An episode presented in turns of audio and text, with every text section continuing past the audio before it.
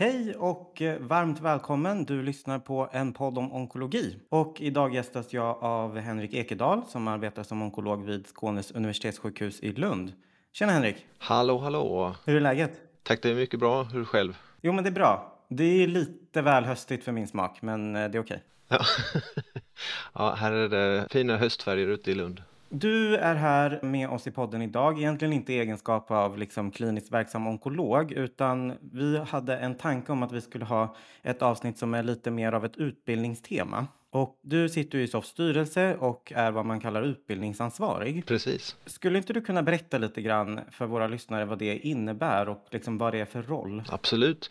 Ja, tack för, för första att uh, få vara med. Det är ju roligt uh, att det läggs lite extra fokus på utbildnings frågorna tycker jag. Som sagt, jag är ju då eh, onkolog i Lund, jobbar mycket med melanom framförallt och eh, nu sen i våras så är jag då utbildningsansvarig i SOF. För det första så innebär det ju att jag är med i styrelsen och i SOF och eh, med styrelsearbete där eh, för att värna onkologins eh, intressen kan man säga och medlemmarnas intressen. Men sen är det ju klart då eh, som utbildningsansvarig så är det där fokuset för mitt arbete ligger och eh, det är väl dels att eh, jobba med de här rekommendationerna som vi har till målbeskrivningen och där har vi ett stort arbete framför oss nu med den nya SD 2021 till exempel där vi ska försöka likrikta det med grundutbildningen och BT och så. Men också se över utbildningsutbud och så. Mm. Just det. det här uppdraget som du har, om man skulle försöka specificera, vad, tror du att varför är det viktigt att det finns en sån position? Jag tänker, det finns ju spridda utbildningsintressen över hela landet. Hade man kunnat liksom lägga ut det bara spritt över landet eller finns det något egenvärde, det misstänker jag att du tycker, men i, den här, i det här uppdraget? Så att säga? Ja, det är klart, det är väl en relevant fråga. E-, ett av mina uppdrag är ju att, så att säga, hålla ihop Eh, studierektorsnätverket också. Jag är studierektor för eh, ST-läkarna i eh, Lund och för närvarande också för ST-läkarna i Blekinge i onkologen. Och vi har ju ett nätverk för studierektorer över landet och det är ju bra att det finns någon som håller ihop det kan man säga. Sen behövs väl det tycker jag finnas eh, någon position som har ett extra, extra ansvar för att värna utbildningsfrågorna och, och liksom lyfta dem på, på nationell nivå. Utbildning är ju tyvärr en av posterna kan man säga, eh, eller aktiviteterna som får stryka på foten i eh, när det, när det krisar i budgettider och annat. Så att det, det tror jag att vi behöver ha helt enkelt resurser och positioner som, som värnar de intressena. Ja, för du kom in på det lite grann. Hur ser din känsla för utbildningsklimatet för onkologer i Sverige? Hur ser det ut? Vad får du höra från kollegor ute i landet? Det gemensamma är väl att det är ju, det, det händer ju så otroligt mycket inom onkologi. Det är ju eh, det som alla snackar om. Framförallt så, så som studierektor så, eh, så jobbar jag mycket då med eh, ST-läkarna och de, och de yngre kollegorna och jag upplever ju ett stort intresse för onkologin även bland läkarstudenter och AT-läkare och så vilket ju är superkul och det det tycker jag sprids eh, genom onkologin och organisationen att man behöver både utbilda sig inom det nya och eh, fortbilda sig framförallt. Så att eh, det, det finns ett väldigt stort intresse och det finns ett också ett stort utbud ska jag säga. Jag menar inte minst poddar som du driver tycker jag är väldigt framgångsrikt, kul att lyssna på tycker jag. Men andra webbinarier också inom SOFF och, och det finns andra aktörer som också som lansera sånt, webbinarier och ehm, så att det finns ju ett stort utbud. Det stora problemet däremot är väl att man ska få tid och där kan jag väl uppleva att det finns eh, framförallt på verksamhetshåll då synpunkter att ja men ST-läkaren går för mycket utbildning. Det tar för mycket tid från eh, verksamheten och från patientmötena och eh, det är klart att det måste finnas en, en bra balans det största delen av lärandet eh, eh, säger man ju eh, kommer av, av patientmötena men, men vi, vi måste värna ST-läkarnas möjligheter att, att utbilda sig. Och det tycker jag väl ändå finns en, generellt en, en stor acceptans för i landet. Ja, det känns som en... Man måste hitta någon form av balans mellan den där formella utbildningen och det, den utbildning som det blir genom det kliniska arbetet. Om man är en ST-läkare som upplever att man har svårt att komma iväg på den formella formella delen i utbildningen där man liksom möter den typen av eh, återkoppling att det är så mycket kurser, det är så mycket utbildningar som ni ska gå på. Ni, det går inte att hinna med, det finns inte kapacitet för det. Har du något tips till hur, hur man ska tänka som ST-läkare? Har SOF några rekommendationer för vad man ska kunna hävda att det här är ändå något form av minimum? Ja, men absolut. Alltså, man kan säga att minimumet är ju eh, Socialstyrelsens krav där de i målbeskrivningen listar vilka delmål som eh, man måste täcka med kurser. Sen har vi från SOF eh, rekommendationer om vilka ämnen som vi tycker bör ingå. Det är klart att från SOF så är det ju just rekommendationer så det är ju inte, inte krav på det viset men eh, det är klart att vi hoppas ju att det ska väga rätt tungt när man är som ST-läkare och handledare ansöker om, om att få ledigt för det. Sen kan man säga att utbildning kan ju och kurser kan ju se olika ut men det får man inte heller glömma att eh, det finns ju möjligheter att ha regionala utbildningar, utbildningsdagar som kan vara väldigt, eh, väldigt bra och så att allting behöver inte heller vara eh, kurser på internat i tre dagar där man åker iväg. Jag tror också att eh, vi har ju inte särskilt stora formella krav eller kontroller på SD utan i princip så är det ju, det är ju målstyrt och, och det avslutas med att man får skicka in intyg för att man har gått kurs men man ska ha gjort bedömningar så att Eh, så att handledaren och verksamhetschefen kan intyga att man är eh, specialistkompetent. Men vi har ju inga formella krav på tentor eller examen eller, eller på det viset i Sverige. Så att det ställer ju krav på att vi har en, en bra utbildning och även eh, gör regelbundna bedömningar under resten. Och visst är det så att SOF är med och organiserar, om man nu vill göra någon form av, vad ska man säga, lägescheck eller kunskapskontroll för sig själv. Visst är SOF med och gör någon form av progressionstenta, eller? Absolut. Det är ju nu två år som vi har haft den här tentan och eh, tanken är att den ska gå en gång om året och den riktar sig till ST-läkare framförallt som har gått, går år 3, 4, 5. Man kan göra det tidigare eh, också. Och det är ju då 100 frågor med eh, flervalssvar då som täcker in egentligen hela spektrumet av onkologi. Dels för att helt enkelt stimulera till egen teoretisk inlärning men också för att eh, checka av hur man ligger till så att man kan ha det som underlag vid handledarsamtal och för att se okay, var, var behöver jag lägga mitt fokus. Det har väl funnits tidigare historiskt men eh, de senaste åren har det inte funnits eh, fram till för, förra året som vi, det kom igen och då har du ju, jag vet att på vissa ställen så är det, är det många som går, gör S-motentan och den är ju mer kvalificerande eh, om man vill till exempel arbeta internationellt det är ju inte den här, det är inte tanken med den, med den svenska att det ska vara att den är examinerande utan det är ju mer stimulerande och eh, som en lägescheck. Det låter som att det blir ytterligare liksom utbildningsverktyg på vägen. Ja, precis. Men om vi har de här olika utbildningsformerna, alltså vi pratade om, eh, om kurser, det finns olika webbinarier man kan ta del av, bland annat i SOFs regi, olika poddar. Sen är det ju det här med olika möten som arrangeras. Onkologidagarna är ju ett väldigt tydligt sådant exempel, ett nationellt möte. Kan du inte berätta lite vad onkologidagarna är för typ av möte i stort? Mm, det är ju, onkologidagarna är ju, anordnas ju av SOF, alltså Svenska onkologisk förening då, och eh, sjuksköterskor i cancervård tillsammans. Det är ju ett möte som ska, där vi ska diskutera breda saker inom onkologin.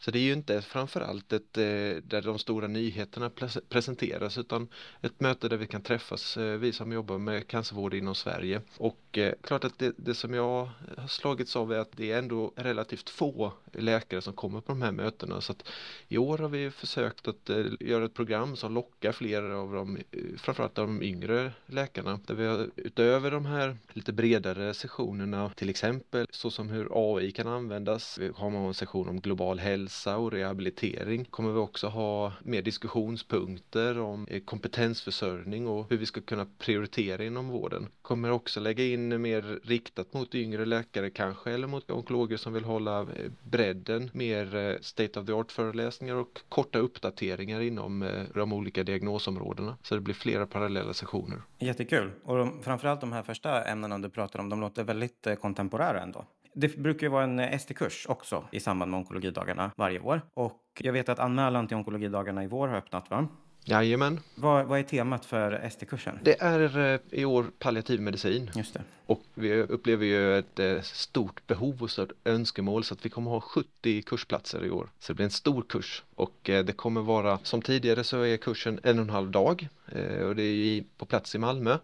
Men det kommer också vara en dags egeninläsning så att det totala kursen blir då två och en halv dag. Och jag tycker det ser ut som ett väldigt bra program och det är bra föreläsare. Så jag tror också att det kommer bli väldigt trevligt eh, på både på kursen och jag hoppas att flera har möjlighet att stanna kvar på onkologidagarna som, som följer där direkt på. Vad roligt. Det känns ju som ett eh, otroligt viktigt möte, liksom, inte bara ur ett utbildningssammanhang men också för att organisera sig som onkologer i Sverige. Eller alla canceraktiva egentligen. ST-läkare har ju på många sätt en väldigt tydlig del av sin tjänst eller sitt arbete som kretsar kring utbildning. Jag tänker att när man är klar med sin ST och är färdig specialistläkare i onkologi. Just eftersom onkologin förändras så himla mycket så känns det som att man fortfarande behöver vara väldigt engagerad och involverad för att vara up to date. Har SOF några rekommendationer för hur man som specialist ska tänka kring det här med fortbildning? Mm.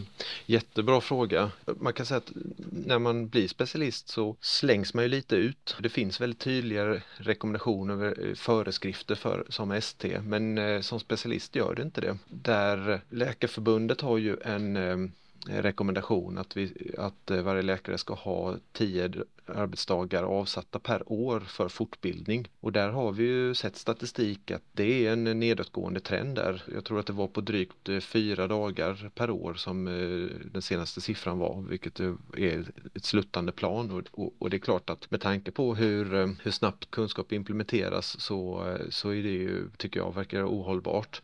Och det är någonting vi får jobba med och se över hur vi ska organisera oss men i nuläget så finns det inte det, tyvärr. Vad skulle du säga är hindren? Ja, det är en jättebra fråga. Det finns ju de här CME-kriterierna och i Sverige har vi ju inte någon tradition av att ha så styrt kan man säga utan eh, man ska behöva visa intyg om eh, fortsatt eh, fortbildning eller eh, kunskapskrav eh, för att få behålla specialistlegitimationen då eller specialistbeviset och det är väl en, det är väl en kulturfråga tror jag. Just också hur man administrativt ska lösa det och vem som ska äga frågan och vara den som certifierar och så är det Socialstyrelsen ska, ska göra det. Jag vill ju från SOFs sida då jobba för att vi ska kunna införa en bakjoursskola. Det ser vi ett behov av just att det kommer så mycket nytt och vi blir mer och mer subspecialiserade. Så att om man jobbar särskilt inom en eller två eh, diagnosområden så om man ska gå bakjour eh, så efter eh, när man har jobbat in sig där så, så är det svårt att kanske att hänga med på det, det nya som händer inom det man inte arbetar inom och förväntas man ändå kunna handha det under jourtid. Så där tror jag att en bakjourskola kunde vara något. Om man sen då ska ha det som något obligatoriskt, det tror jag inte vi är riktigt redo för än vad hindren är, det är svårt att svara på men det är något man får, jag, jag tänker också analysera lite mer också. För i liksom en klinisk vardag eller klinisk verklighet, jag, jag tänker att i relation till att få ut dem, den tid för fortbildning som man behöver så ska det ofta ställas mot det kliniska arbetet, mot ekonomin. Det blir liksom ett man dras däremellan och det blir på något sätt en fråga om prioritering tänker jag, där vi behöver ha på något sätt tydliga mål för vad vi vill uppnå i liksom fortbildningsväg. Och nu känns det också som att vi går in i en period av betydligt svårare ekonomiska tider. Tror du att det kommer att göra den här frågan ännu hetare? Jag hoppas ju inte det. Det finns ju den här liknelsen eh, om eh, järnvägen. Det är lätt att dra in eh, kortsiktigt på underhållet och sen så ser man effekterna av hur det blir när tågen inte går i tid på grund av bristande underhåll. Det är lite samma sak under fortbildning, utbildning tror jag. Det är lätt att dra in på kortsiktigt men på lång sikt blir det inte bra. Ja, men jättespännande. Det låter som att det är saker på gång och det är ganska mycket som redan är implementerat vad gäller liksom utbildningsvärlden inom onkologin. Tror du på sikt att det kommer att komma något initiativ som kanske kan liksom inspirera och rekrytera blivande onkologer som är riktat mer mot säg läkarstudenter eller AT-läkare. Vi vet ju att vi behöver bli fler. Hur tänker du där? Ja, men eh, till exempel en eh, organiserad eh, kurs eller utbildning som riktar sig specifikt till eh, BT-läkare eller någonting mot läkarstudenter. Vi, vi rör ju oss i en... Onkologin är ju på något sätt som en egen värld upplever ju många mm. yngre kollegor. Mm. Nej, absolut. Det ser vi ju, tycker jag, att eh, när jag pratar med eh, AT-läkare och, de, och läkare som söker sig hit eh, för att vikariera. Att de, många säger att oh, vi fick ett bra intryck av er under dem, men det var ju så kort tid, det var bara tre och en halv dag som vi var hos er. Sen är det klart att, att onkologi, man får annan cancerbehandling också på kirurgen och, och så också. Och jag vet att inom läkarprogrammet så är det många som tycker att många andra områden som tycker att man skulle vilja ha mer tid. Men eh, till exempel på ha föreläsningar de flesta AT-ställena har väl har föreläsningar som kommer återkommande, att man är med där och är representerad. Jag har själv varit och föreläst på AT-tinget i Skåne och eh, det tycker jag är ett kul sätt att också göra lite reklam för onkologin. Sen är det ju så att det är inte bara onkologer som kommer behöva kunna onkologi eh, både nu och i framtiden utan jag menar det här med immunterapi och biverkningar av det, det är ju jätteviktigt att eh, akutläkare, internmedicinare och, och, och så vidare också känner till det.